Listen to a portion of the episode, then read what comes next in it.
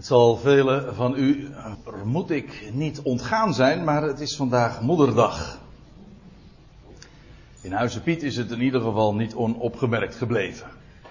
En ik veronderstel dat dat nog wel in meer woningen het geval zal zijn geweest. Nou zal ik niet zeggen dat we het vanmorgen over moederdag gaan hebben, want dat is ook niet zo. Maar aan de andere kant, de keuze van het onderwerp en de keuze van de schriftgedeelten die ik vanmorgen eens onder uw aandacht wil brengen, die is daar wel weer door ingegeven. Ik ga het namelijk hebben over twee dames die bij name slechts één keer worden genoemd in de Bijbel en wel in de tweede Timotheusbrief. En dat wij zijn de, respectievelijk de grootmoeder, de oma en de moeder van Timotheus, Paulus' kind. Nou ja, als ik het zo zeg, dat is overdrachtelijk. Maar in ieder geval Paulus' eh, medewerker, zijn jonge medewerker. Zij worden bij name genoemd en met ere vermeld, mag ik wel zeggen. En zij hebben een buitengewone impact gehad op het leven van deze jonge man. Timotheus dus. Dat wordt namelijk expliciet vermeld. En dat lijkt de, de moeite waard om daar eens wat op in te zoomen vanmorgen. Dat gaan we ook doen. En ik wil u ook uh, het verhaal daarachter gaan vertellen, want dat begint niet in de Timotheusbrief als Paulus dat ter sprake brengt, maar dan moet je ook de achtergrond kennen, namelijk zoals die het boek Handelingen ook wordt geleverd. En het boek Handelingen is feitelijk, het is de beschrijving van Lucas, maar het, het biedt ons ook een achtergrond voor zijn brieven. We kunnen door het boek Handelingen, dat zoals gezegd is opgetekend door Lucas, maar Lucas is voor een groot gedeelte ook een medereiziger geweest. Het was een, een geneesheer, een arts. En hij reisde voor een groot gedeelte ook met Paulus mee. En hij heeft diens memoires, als ik het zo mag zeggen, opgetekend. Niet helemaal juist zoals ik het zeg, maar in ieder geval, een, het is een reisverslag. Het hele boek Handelingen gaat daarover. En in het boek Handelingen daar wordt ook beschreven hoe Paulus op een gegeven ogenblik in aanraking komt met deze vrouwen en met eigenlijk meer speciaal met Timotheus. En daarvoor gaan we naar Handelingen 16. Het staat mij allemaal nog erg helder voor de geest, want in Katwijk, in Huizen van Boven, daar zijn we uitgebreid bezig met de bespreking van het boek Handelingen. En het is allemaal nog niet zo heel erg lang geleden dat we ook Handelingen 16 daarbij de revue hebben laten passeren. En ik neem u mee naar Handelingen 16, vers 1. Dat is heel boeiend, in het algemeen, om het boek Handelingen te lezen, ook als achtergrond, als noodzakelijke achtergrond voor Paulus' brieven.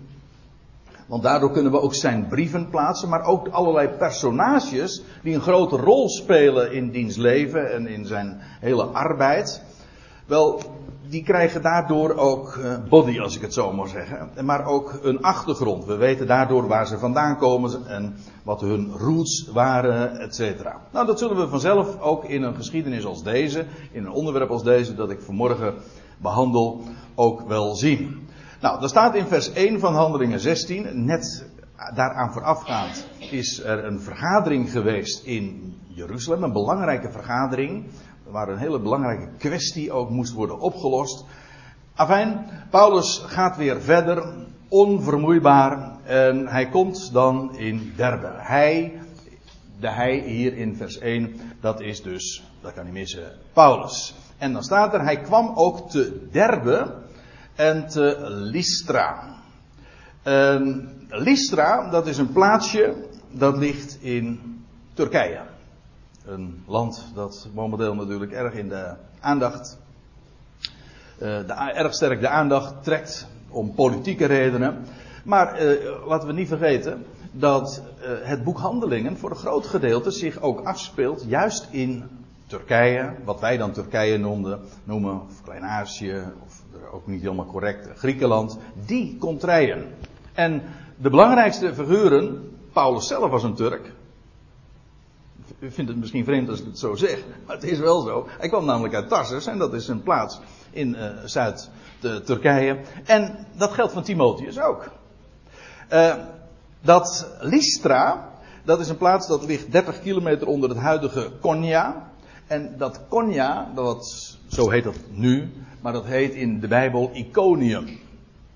Ik zal het u even laten zien om het wat duidelijker te krijgen. Hier hebben we dan het eiland Cyprus, Griekenland. Dit is dus Turkije. Van origine moet ik er trouwens bij zeggen, dit was uh, Azië. In de Bijbel wordt Azië heel dikwijls uh, genoemd. En bij ons is het uitgegroeid tot een, eh, een werelddeel. Maar van origine is Azië alleen dit deel van Turkije. Waar Efeze lag en Sardes, nou ja, en Colosse, et cetera. Maar hier ziet u Konya.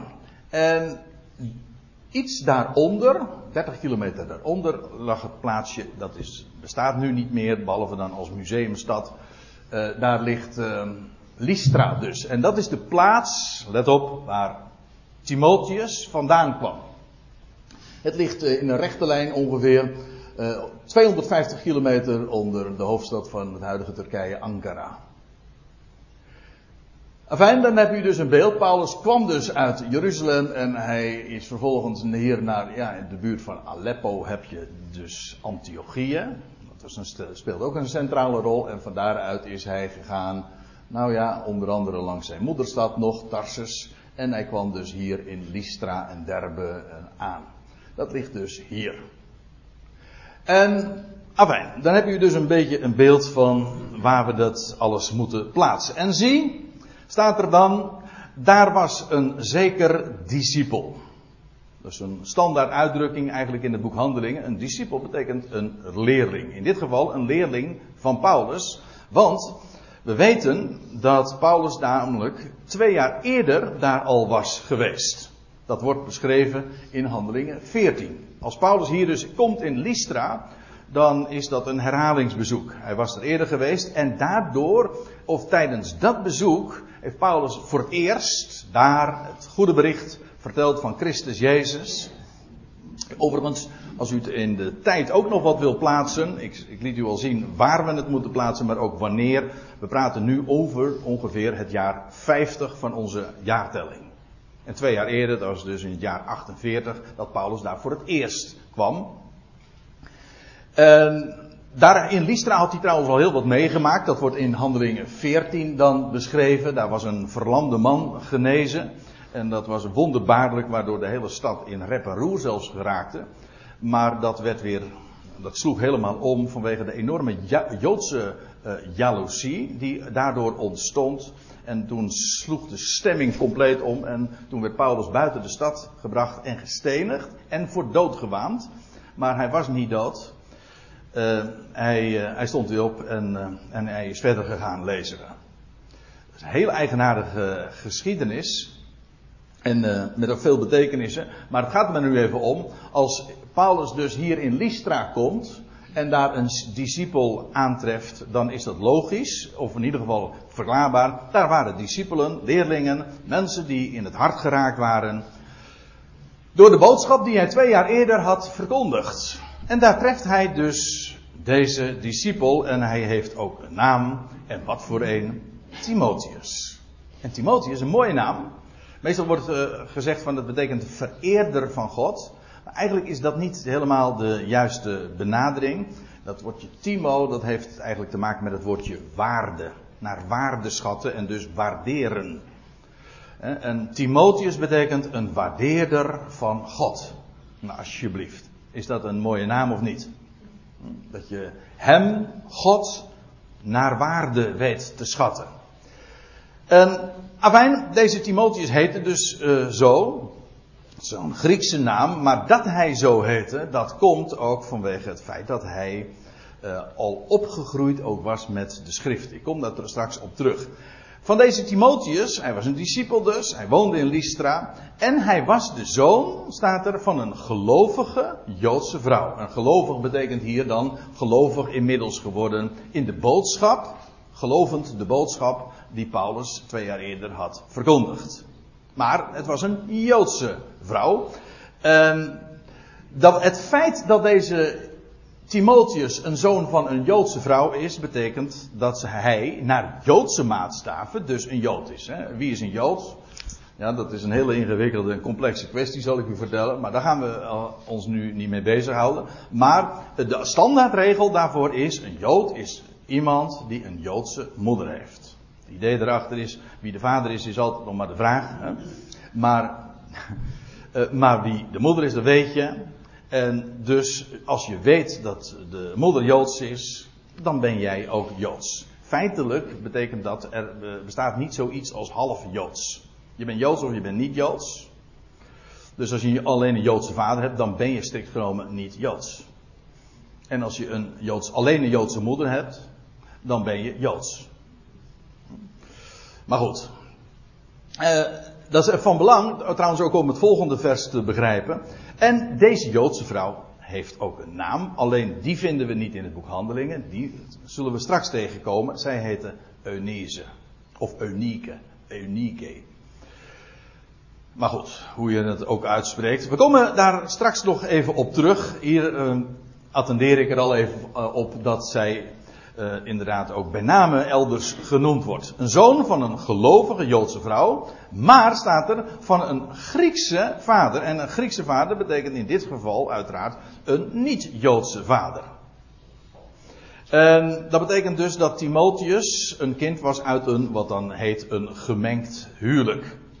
Wat strikt genomen uh, niet kon, dat wil zeggen niet mocht, ook niet goed Joods is. Want uh, hoe stond dat ook alweer in Deuteronomium 7, vers 3?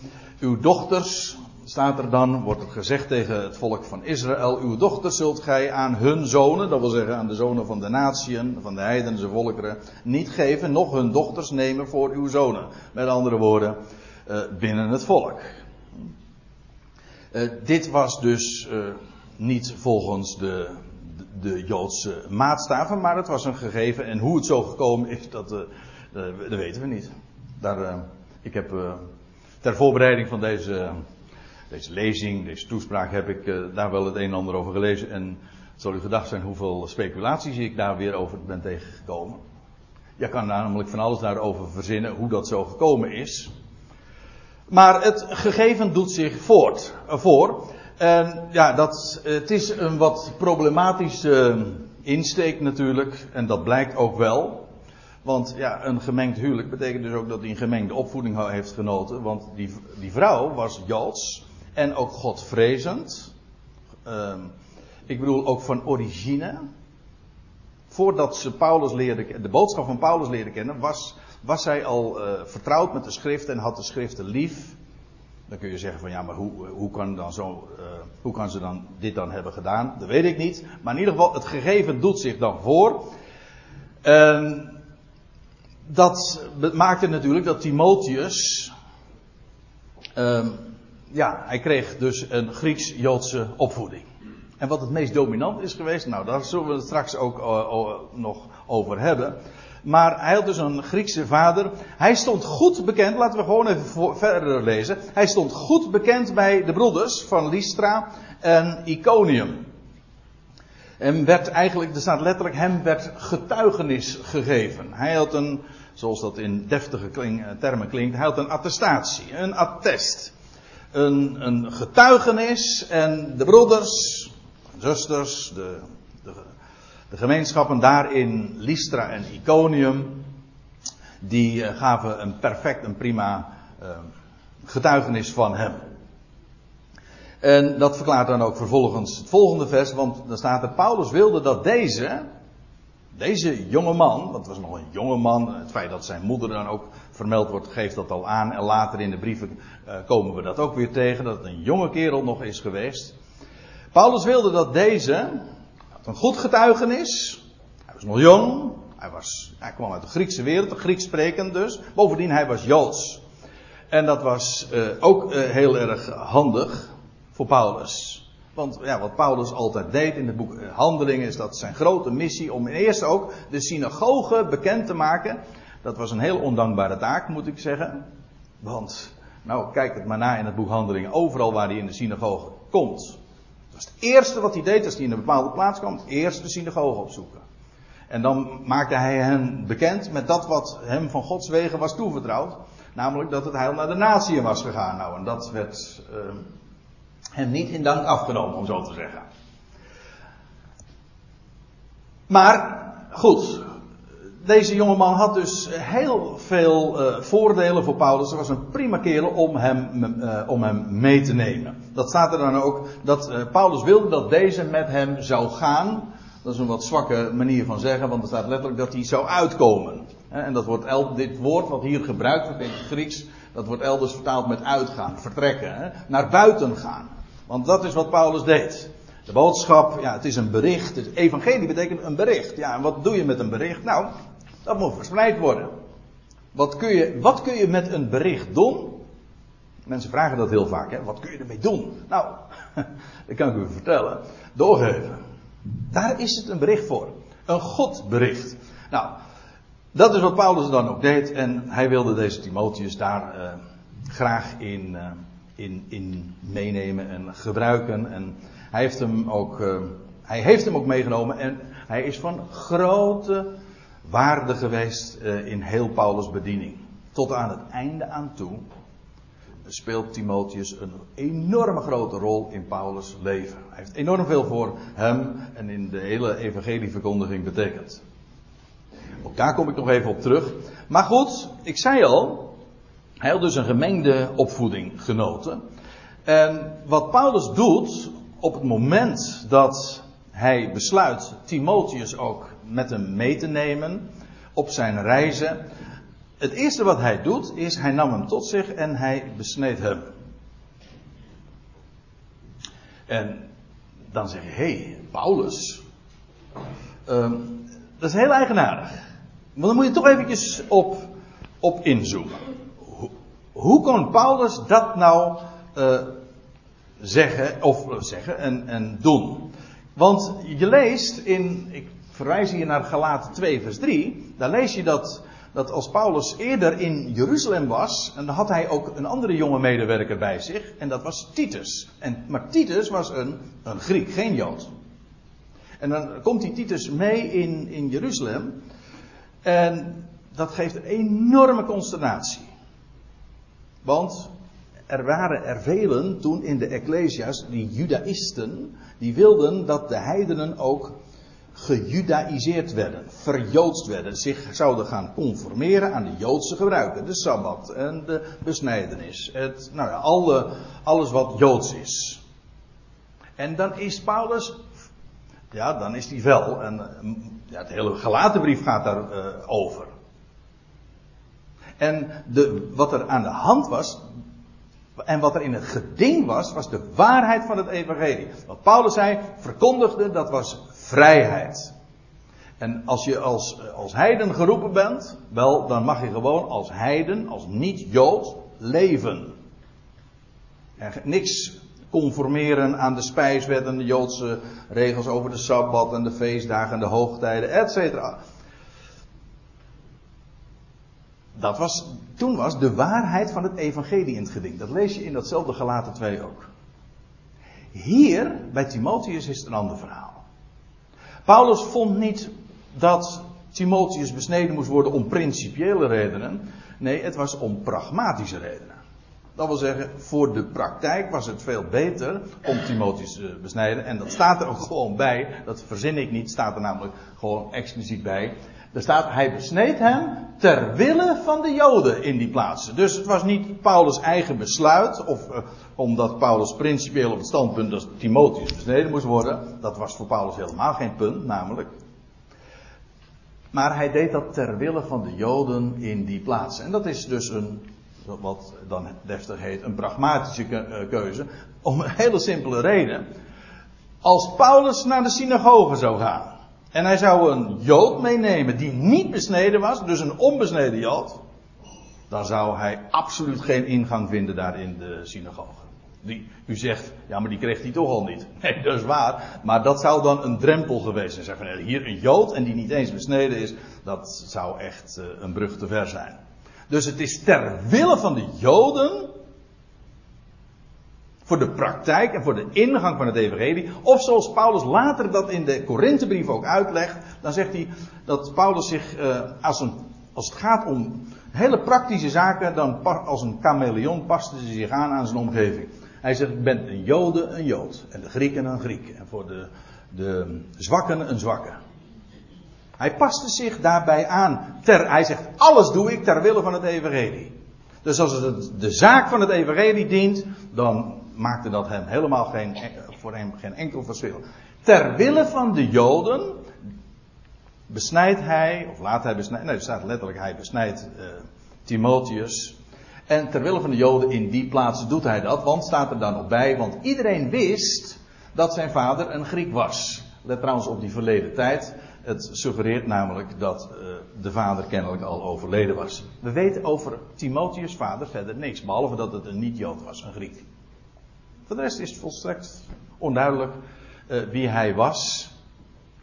Maar ja, vanwege de Griekse vader van Timotheus was hij dus onbesneden. Ja, het is nu eenmaal zo dat de man als heer des huizes toch een stempel zet op de opvoeding en die heeft daar kennelijk bezwaar tegen gemaakt en die heeft dat uh, ooit verhinderd.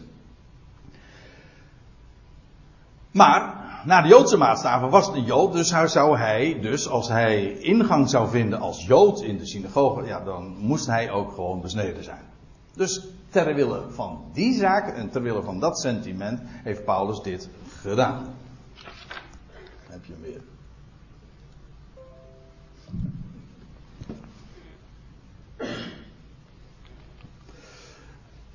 Iedereen wist dat zijn vader een Griek was. En ik zei al, voor de rest weten we over deze vader niets. Eh, we zullen dan ook in gaan zoomen op de moeder. En daarvoor gaan we vervolgens, en nu heb ik u dus even in een paar versen uh, geschetst wat de achtergrond was van deze Timotheus. En nou gaan we naar, vervolgens naar de tweede Timotheusbrief. Een brief die Paulus dus geschreven heeft aan Timotheus. Het is de tweede brief die Paulus heeft geschreven aan Timotheus. En het is ook de laatste brief die Paulus geschreven heeft. Het is daarom ook alom bekend eh, staand als, de, als Paulus' geestelijk testament. Het, het, moment van zijn verscheiden staat hij, zegt hij in 2 Timotheus 4, dat staat voor de deur. Dat wil zeggen, Paulus zou weldra sterven en geëxecuteerd worden. En hij vertrouwt Timotheus nog belangrijke dingen toe. En dat was een hele, ja, een eh, donkere periode in Paulus' leven. Nou, niet dat het licht niet in Paulus' hart straalde, uitbundig, want het is een geweldige brief. Maar de omstandigheden waren buitengewoon zwaar. En niet alleen maar vanwege de omstandigheden dat hij eh, spoedig geëxecuteerd zou worden. Maar ook omdat hij door velen in de steek was gelaten. En sterker nog, dat hele gebied van Klein-Azië. Waar Paulus zo actief was geweest. Dan zegt hij ook in datzelfde 2 Timotheus 1. Hij zegt allen die in Azië zijn. Die hebben me verlaten. Nagaan. Overal was, uh, uh, was hij uh, in Azië zo actief geweest. En dat ook een hele rits van spoor van ecclesia's was, was er ontstaan, of waren er ontstaan door zijn bediening. Maar ze hadden hem allemaal in de steek gelaten en zijn boodschap ook in de steek gelaten. Nou, dat zijn de omstandigheden waarin hij dan die brief ook schrijft aan Timotheus. En dat, dat zijn hartverwarmende dingen. Is Paulus in mineur allerminst.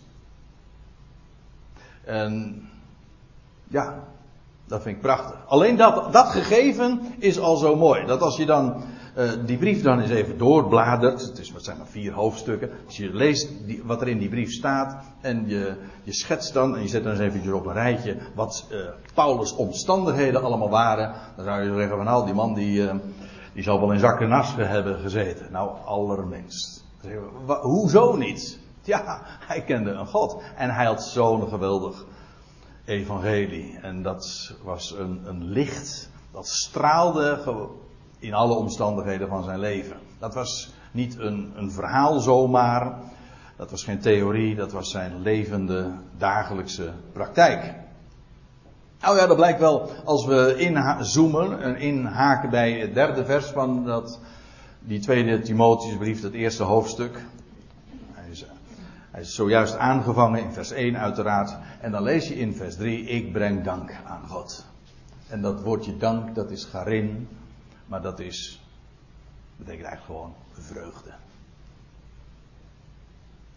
Het woordje dank is eigenlijk hier ook uh, vreugde. Ik, heb, ik, ik breng vreugde aan God. Eucharis. dat is dankbaarheid. Het is trouwens meer dan alleen maar uh, danken, maar het is een, danken is iets wat je doet. Dankbaar zijn, dat is een houding.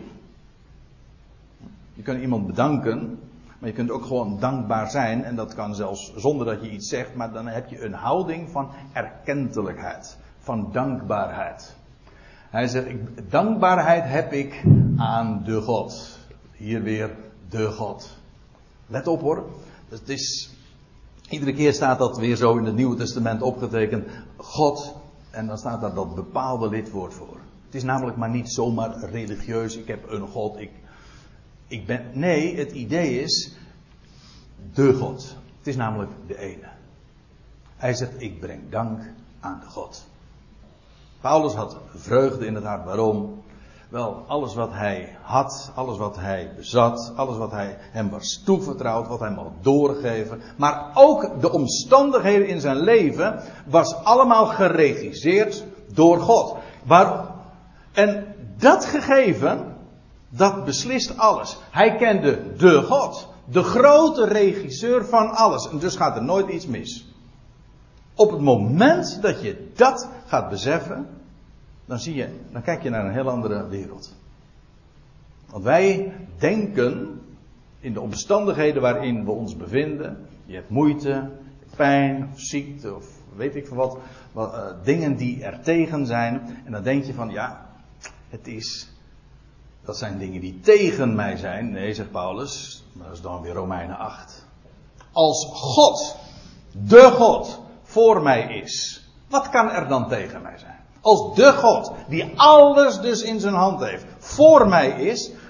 Hoe kan er dan iets in het leven of in het bestaan of in de kosmos of in mijn omstandigheden, hoe kan dat dan tegen mij zijn? Dat kan helemaal niet, want de God heeft dat alles volmaakt perfect onder controle. En dat betekent dus dat ook alles per definitie moet meewerken ten goede.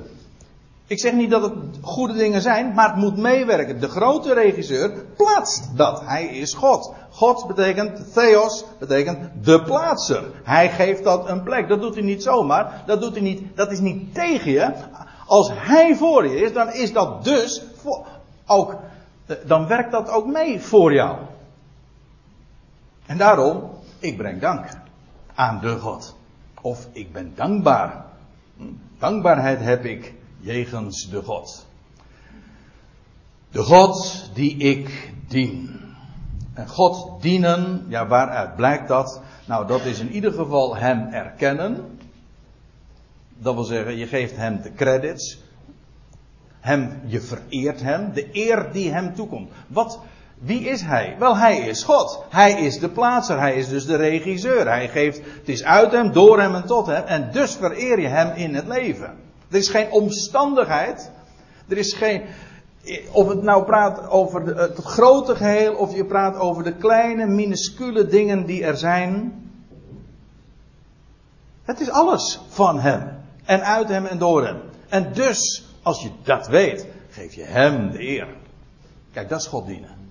En dat betekent Hem vereren, het betekent ook Hem danken. Want, ja, hem erkennen en je bent hem dus ook erkentelijk. Want alles wat er, er is en alles wat je krijgt en alles waarin je geplaatst wordt, ja, dat is van hem. En krijg je van hem, en het is voor jou. Ik bedoel ook voor in de zin van ten gunste en positief bedoeld. En zo zal het ook werk, uitwerken voor jou. En dus, ja, wat doe je als je iets krijgt? Dan zeg je toch dank u wel. Paulus spreekt ook al in zijn brieven over danken onder alles. Hij zegt zelfs danken voor alles. Ja, ja.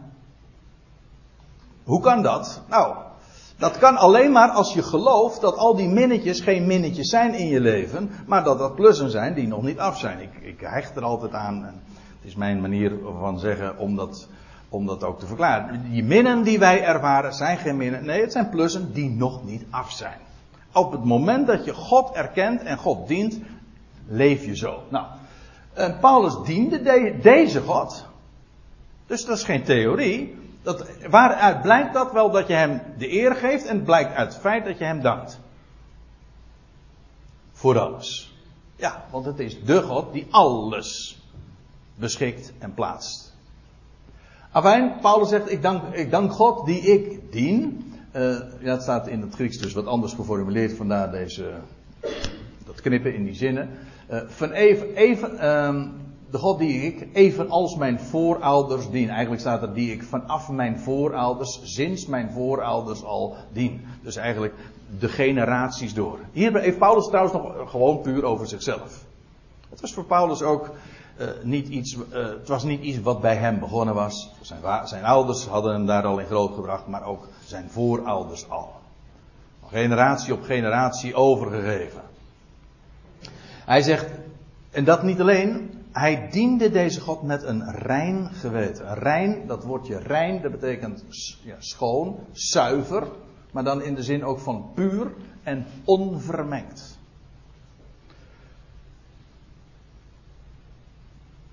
En dat reine geweten, we komen dat straks trouwens nog even tegen in verband met een ander woord. Want het wordt nogal eens gebruikt, ook in combinatie met ongeveinsd. Hou hem even vast. Een zuiver geweten.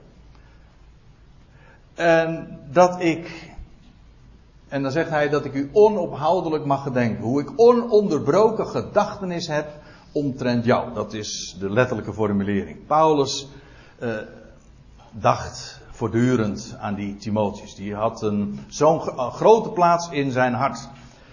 Dus, dus niet alleen maar een medewerker. Hij noemt hem trouwens ook mijn kind. En dat moet u ook uh, in.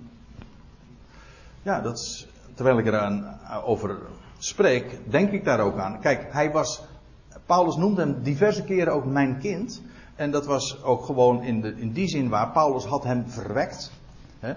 Dat wil zeggen, als gelovige, door het woord dat hij heeft mogen doorgeven. Dus het was eigenlijk de vrucht van zijn prediking ook. Het woord wat hij had doorgegeven. In ander opzicht ook meer uh, aards gezien, of qua omstandigheden is hij, heeft Paulus ook een, een, een, vaderlijke rol gespeeld ten opzichte van Timotheus. Want ja, Timotheus had zelf geen vader meer, we hebben dat zojuist gezien. En Paulus heeft die rol uh, min of meer van uh, overgenomen. Hij heeft dus een, een, vaderlijke rol ten opzichte van Timotheus gespeeld. Afijn, Paulus gedachten in zijn gebeden, dag en nacht. En hij zegt immers en als ik denk aan uw tranen, en dan eh, gedenkende jouw tranen, dat wil zeggen de tranen die, die huilden bij het afscheid. En we weten niet precies eh, waar dit, uh, op, op welke omstandigheid dit doelt, maar Paulus heeft uh, Paul, uh, Timotheus dus bij gelegenheid achtergelaten, of vice versa. Timotheus heeft Paulus achtergelaten en ze moesten elkaar achterlaten vanwege het werk. En toen heeft Timotheus daarom gehuild. Hè, dat hij niet verder kon gaan met Paulus. En dan zegt Paulus, ik verlang je te zien. Paulus, lees, je leest trouwens in dezezelfde brief ook dat hij Timotheus de instructie geeft, doe je best om voor de winter nog te komen. En hij zegt, ik verlang je te zien om het straks, om, als je je dan ziet, met blijdschap vervuld te worden. Hij zegt, en maar dan komt mij, en nu komen we bij dat vers waar ik zo graag naartoe wilde. Uh, en dan komt mij voor de geest. Dan in de concordant version dan staat er I'm getting a reminder. Als ik zo aan jou denk, dan word ik herinnerd aan. Dan ga ik, dan doet mij dat weer denken aan, let op, ik noemde het woord zojuist al, aan jouw ongeveinsde geloof. Ongeveinsd. Weet u wat er in het Grieks staat? Dit. Anhypokritos.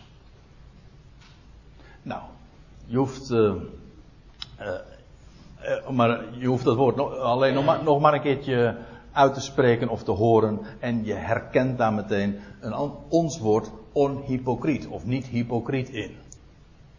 Ons woord hypocriet komt dus gewoon regelrecht uit het Grieks. Maar weet je wat zo leuk is van dat woordje hypocriet? Nou, dat is het enige wat, leuke wat ik aan hypocriet kan bedenken trouwens. Uh, het komt, het is een term uit de theaterwereld. Waarom? Omdat een hypocriet, dat was een toneelspeler. Dus een hypocriet, en dat is niet zo moeilijk om dat te verklaren, een, een iemand die hypocriet is, hè, of wij zeggen dan ook huigelen, iemand die huigelt, maar wat doet hij? Hij speelt toneel. Hij doet iets voorkomend te zijn. Hè. Hij wekt een indruk wat hij niet is. Ja, en dan spreken we inderdaad over. Je speelt een rol. Hè. Je bent een toneelspeler. En hypocrisie, zal ik u vertellen, toneelspel, daar zijn mensen geweldig goed in. En dat bedoel ik nu even niet complimenteus. En over ehm, hoe je over toneelspel in het algemeen moet denken. Daar zullen we het nu verder maar niet over hebben. Ik, ik kom zelf uit een Calvinistisch nest en ik, eh, nog niet zo lang geleden las ik een artikel uit de, een oude spiegel. Dat was, uh, vroeger was de spiegel, dat was in het Calvinistische milieu, was een bekend uh, weekblad geloof ik, of maandblad, dat weet ik niet. Maar in ieder geval, toen las ik een, een, een mening van de scribent over, over toneelspel. En dat werd echt. Theaterbezoek was sowieso nat dan. Binnen de Calvinistische kringen. En toneelspel moest men niks van hebben. En als ik er nou hierover denk. Dan krijg ik ineens begrip voor. voor dat standpunt. Oh ja, dat is nog helemaal een mooie. Kijk, als je naar het theater gaat, dan verwacht je toneelspel en dan weet je dat je beduveld wordt. Daar komt het toch eigenlijk op neer. Je geniet daarvan. Uh, ik vind dat is inderdaad heel. Men doet al, dan alsof uh, dat theater zo, uh, zo ernstig is. Maar dat is helemaal niet ernstig. Want dan weet je dat je inderdaad toneelspel voorgeschoten krijgt. Weet je wanneer het echt ernstig wordt? Wanneer de indruk gewekt wordt dat alles echt is. Terwijl het gewoon nep is. Dat is echt ernstig. En dat is wat u bedoelt. Zeg maar, men deed niet anders. Nou. Zo wil ik het ook weer niet zeggen. Dat gaat te ver. Ja, maar er bestaat juist in godsdienstige setting heel veel fijnste. Sterker nog, als het gaat om uh, geveinsd geloof, dat vind je niet in de wereld. Daar fijnst men geen geloof. Daar fijnst men soms ongeloof. Dat kan, kan namelijk ook nog. Ja, je kan ongeloof feinzen. Nee, God bestaat niet. Ja, waarom zegt men dat? Niet omdat men het echt denkt. Gewoon omdat je anders niet acceptabel bent. Dus men fijnst dan ongeloof. Je kan alles fijnsen namelijk. Uh, laat ik zo een paar dingetjes noemen. Ik heb, dat, ik heb zo'n korte verzameling aangelegd. Waarin dat woordje hypocriet gebruikt wordt in het nieuw, alleen het Nieuwe Testament. Ja, het is ook een Grieks woord, dus dat is logisch. Nou, daar staat in Matthäus 6, vers 2. Uh, wanneer jullie dan, zegt de Heer Jezus in de bergreden, wanneer jullie dan aalmoezen geven, laat het dan niet voor, laat het niet voor u uitbazuinen, zoals de huigelaar, de hypocrieten, de toneelspelers doen, in de synagoge op de straten, om door de mensen geroemd te worden. Die zitten gewoon een act op te voeren. Nog één, dat is hetzelfde hoofdstuk, een paar versen later. Wanneer jullie vasten, omdat je dan geacht wordt je te onthouden van dingen vanwege ernst en vanwege de somberheid. Toon dan niet zoals de hypocrieten, de toneelspelers, een somber gelaat. Hè, gewoon om in de act mee te spelen. Want zij maken hun aangezicht ontoonbaar om zich aan de mensen te vertonen wanneer zij vasten. Zo van, kijk, kijk mij nou eens een keertje godsdienstig wezen. Kijk mij nou eens vroom wezen. Opvallend, met name in de evangelie, hoe Jezus tekeer gaat tegen dit soort hypocrisie. Hy hypocrisie die voorbehouden is juist aan het vrome volk.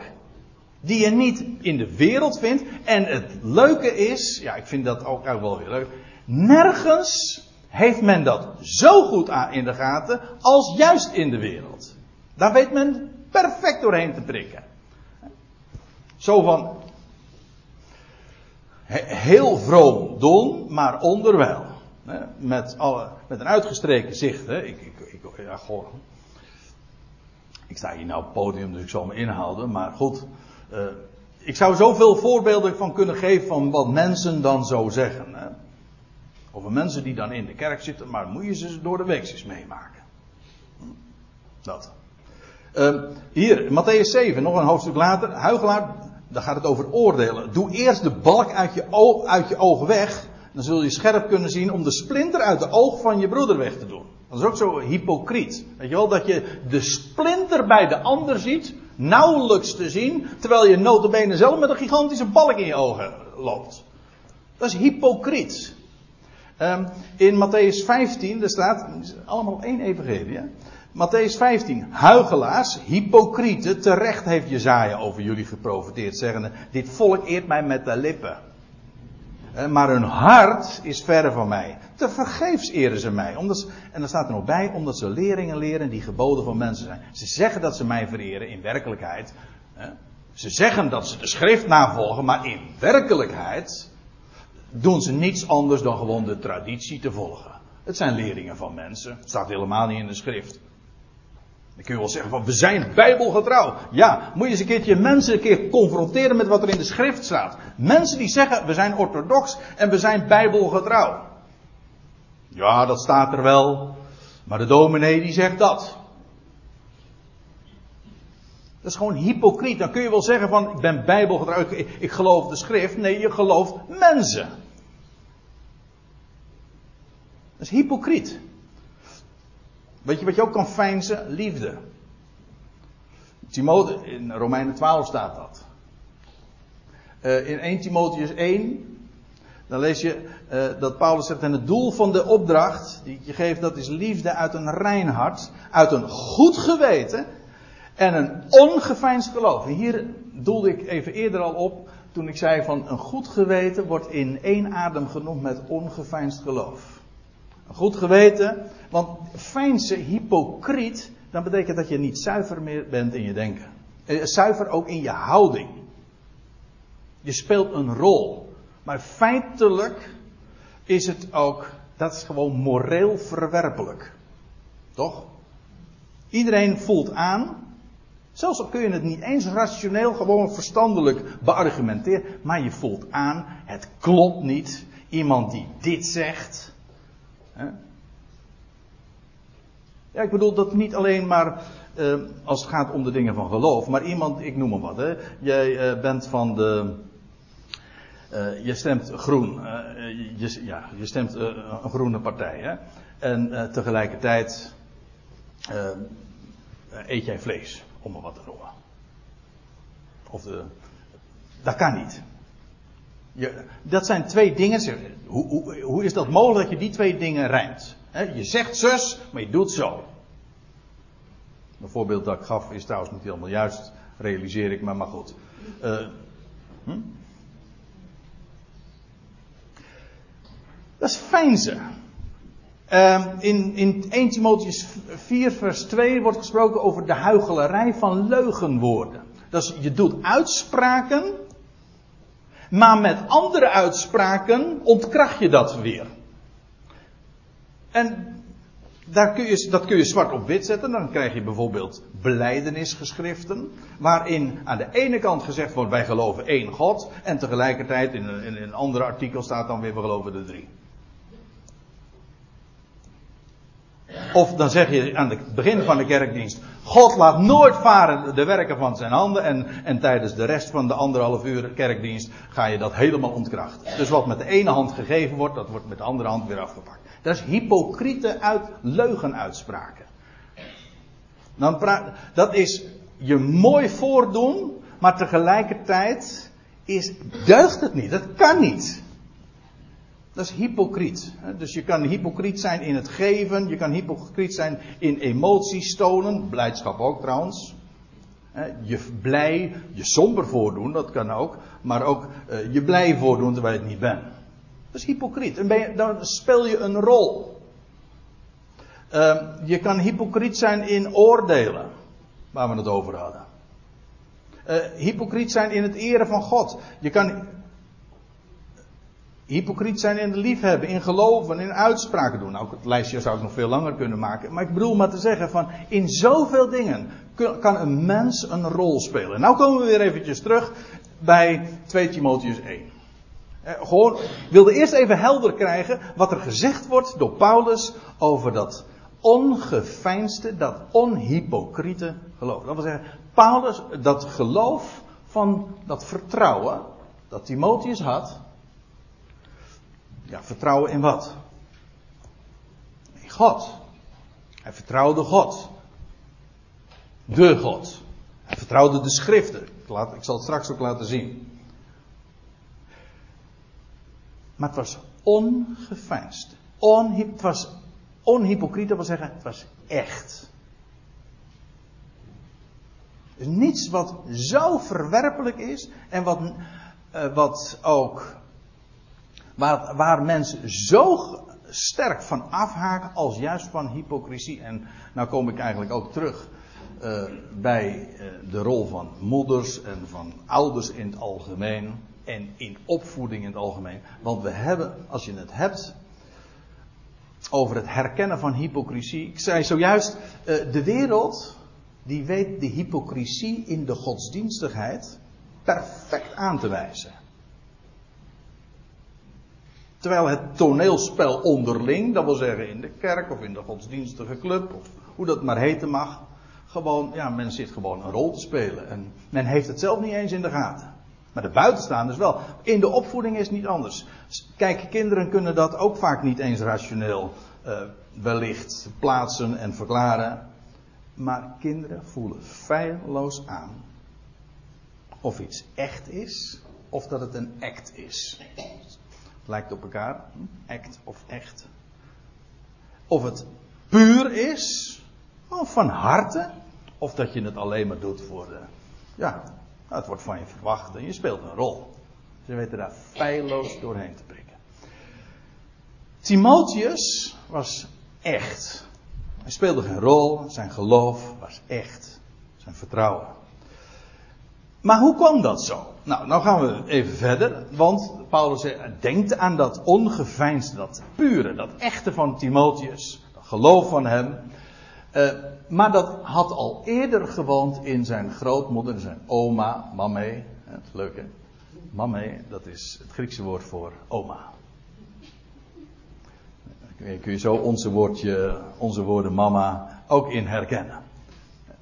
Uh, zoals eerst woonde in uh, uw grootmoeder Lois, waarvan trouwens de betekenis van de naam wat onduidelijk is, dus ik laat dat even rusten. Maar in ieder geval, zijn oma wordt dus hier bij name genoemd, Lois. Maar wat wordt er van deze Lois gezegd? Dat is dat ongeveinsd geloof.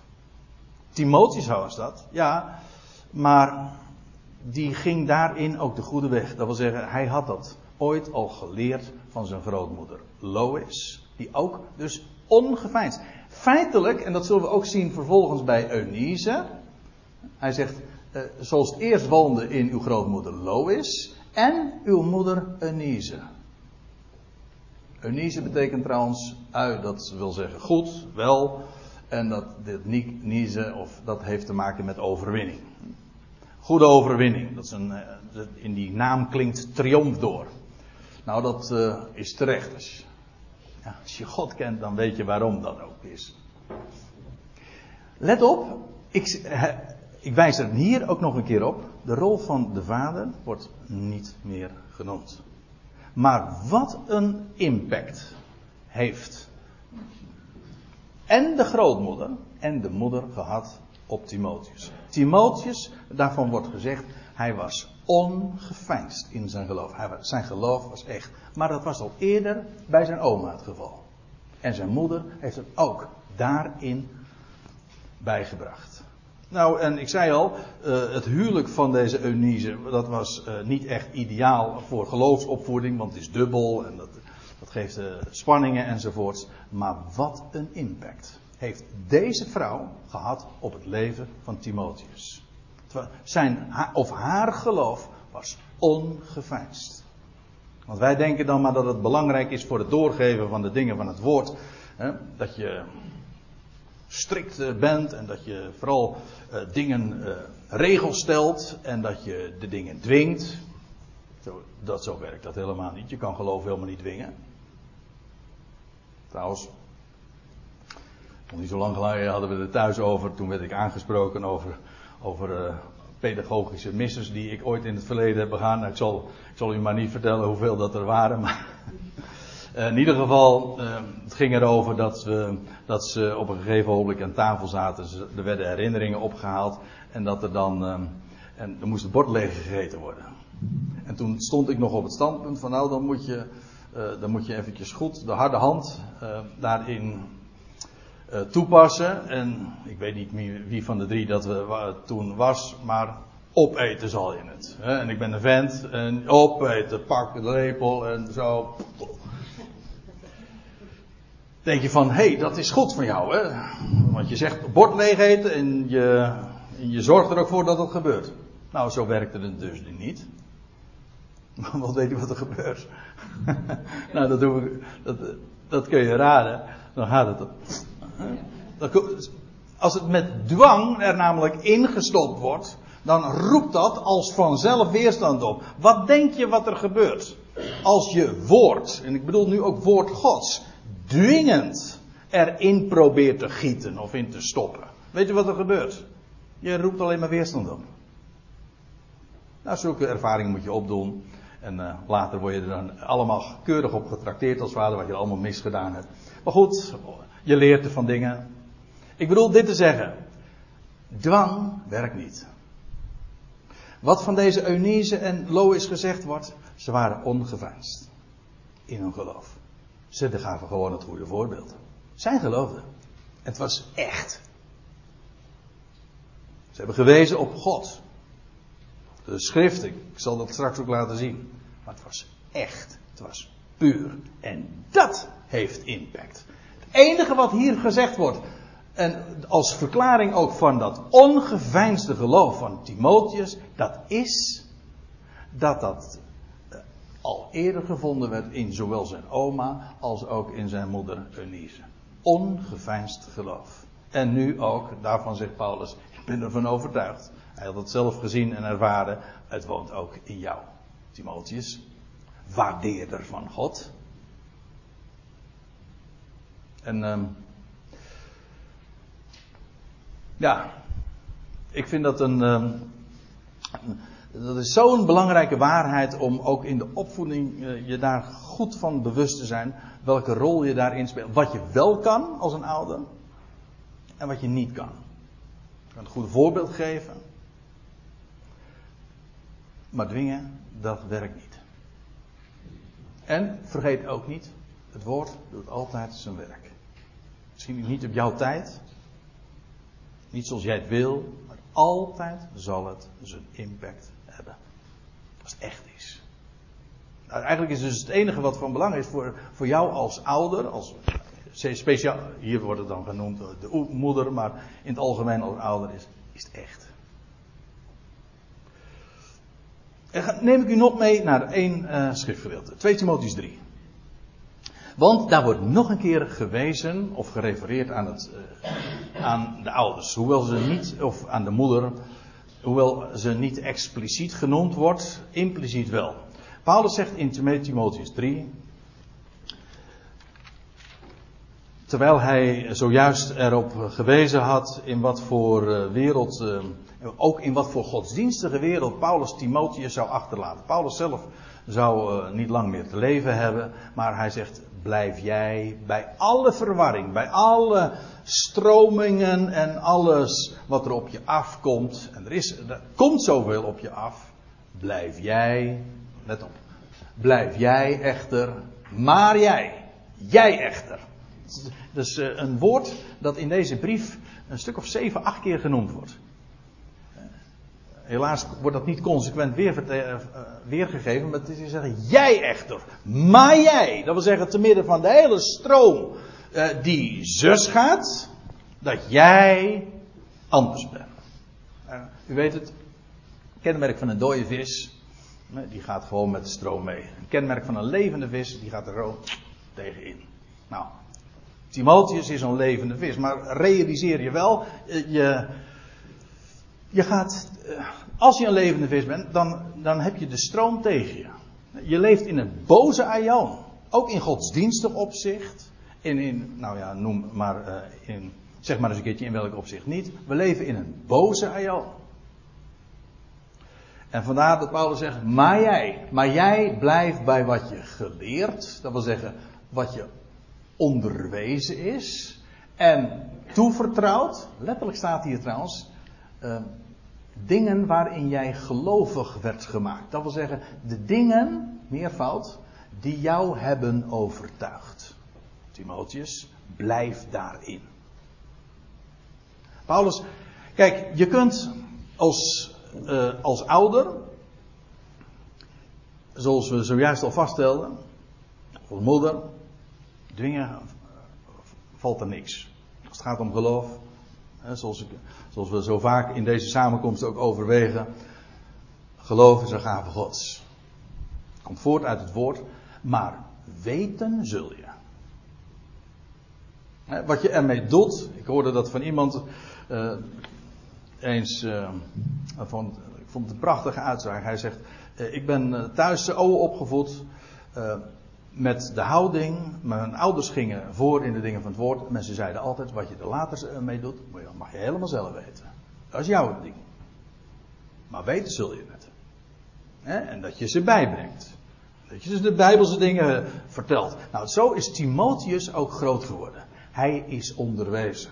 En hem zijn dingen toevertrouwd. Dat wil zeggen, de dingen hebben hem overtuigd. En er staat er nog bij, wel bewust van wie jij het hebt geleerd. Dat wie, dat blijkt niet uit de Nederlandse vertaling, maar in de het Grieks staat daar een meervoudsvorm. Dat wil zeggen, hij heeft het geleerd en toevertrouwd gekregen van meerderen. Ja, dan kun je de naam van Paulus daarbij noemen. Natuurlijk, Paulus heeft het hem ook allemaal geleerd en toevertrouwd. Maar al veel eerder, zoals we zojuist zagen, waren het Lois en Eunice, zijn moeder, die hem dat hebben geleerd en onderwezen. En dat blijkt ook wel, want dan in vers 15 staat er: En dat jij, Timotheus, van kindsbeen af, hè, vanaf dat, dat je een baby was, de heilige schriften kent. Vind ik prachtig. En dan kun je natuurlijk heel wat aanmerken op Eunice. Ja, maar ze had een ongeveinsd geloof. En wat een impact heeft dat gehad op het leven van Timotheus. En Timotheus van jongs af aan, al van de, van de oma, Lois, eh, van Eunice zelf ook.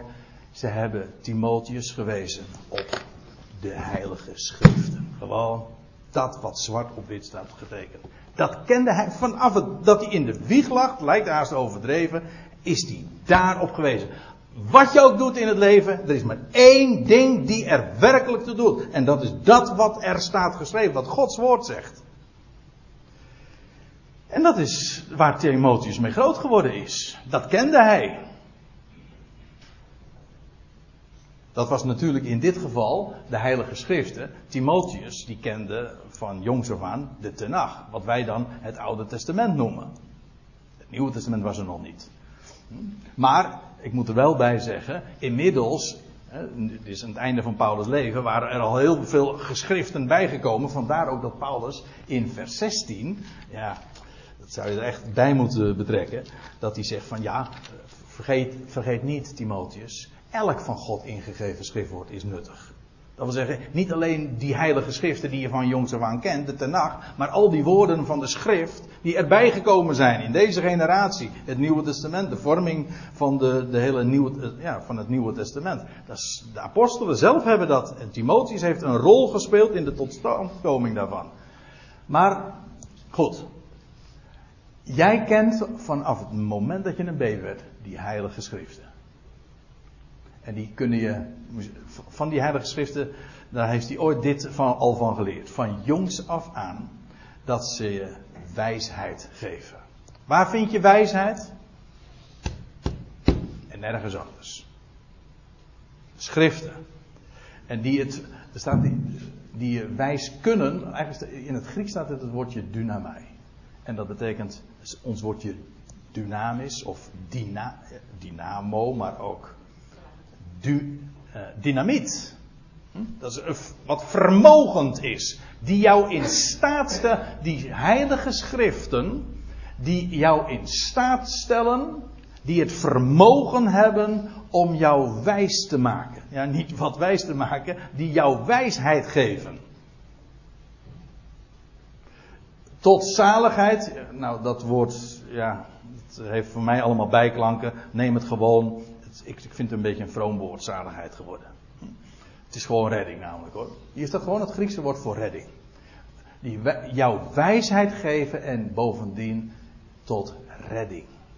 In welk opzicht? Nou, ik kan beter vragen in welk opzicht niet. Deze woorden en dat wat daarin staat opgetekend, die geven jou wijsheid en die redden jou.